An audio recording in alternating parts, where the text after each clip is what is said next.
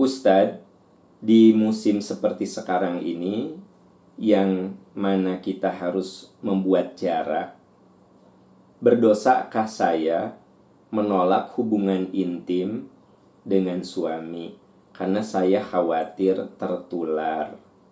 Mohon penjelasannya. Ya, begini Bu, kalau suami ibu dipastikan tidak terpapar oleh orang lain.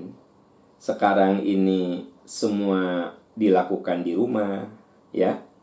Dan ibu yakin sebenarnya suami ibu tidak terpapar dalam arti tidak ada peluang-peluang kontak dengan orang yang terpapar.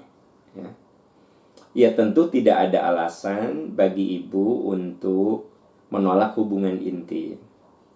Jadi jangan sampai uh, menjaga jarak ini membuat relasi kita dengan suami malah jadi bermasalah, ya.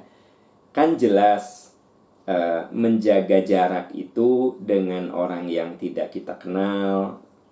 Dalam arti tidak kita kenal itu kita tidak tahu apakah orang ini pernah bersentuhan, pernah kontak dengan yang sudah terpapar atau tidak kan ini tidak kita tahu. Nah, untuk orang-orang seperti ini ya tentu saja untuk saat ini kita jaga jarak.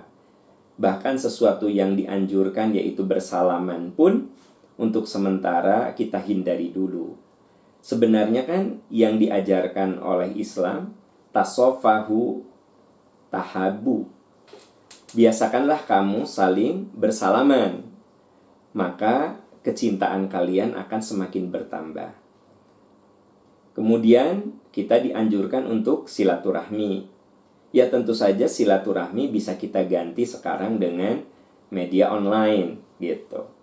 Nah, ini untuk orang-orang yang tidak kita ketahui keadaannya. Tapi kalau suami, kan ibu ketahui keadaannya. Kalau suami ibu tipe yang berada di rumah terus, ya, mengikuti protokol kesehatan, protokol keselamatan. Menurut hemat saya, tidak ada alasan bagi ibu untuk menolak hubungan intim dengan suami. Kecuali kalau suami ibu dikhawatirkan bersentuhan ber kontak ya dengan yang terpapar. Nah, ibu boleh berbicara sama suami ibu untuk sementara berjaga-jaga membuat jaga jarak. Tapi tentu saja kembali kepada keadaan suami ibu. Sekali lagi, kalau suami ibu memang tipe yang outdoors, di luar ya, karena satu dan lain hal suami ibu harus di luar, apalagi kalau suami ibu ini bekerjanya di rumah sakit. Peluang eh, terpapar oleh yang kena COVID-19 ini besar ya ibu boleh diskusikan ibu boleh bicarakan. Kenapa? Karena rumusnya adalah hubungan intim itu ibadah.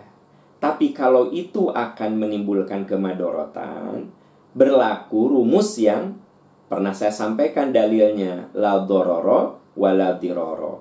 Tidak boleh memadorotkan diri kita dan tidak boleh kita ini memadorotkan orang lain. Ya. Nah, kalau suami ibu beraktivitasnya banyak berhubungan dengan orang-orang yang terpapar, maka wajar kalau kemudian ibu untuk sementara puasa juga. Ini wajar karena ada alasan logis untuk itu ya.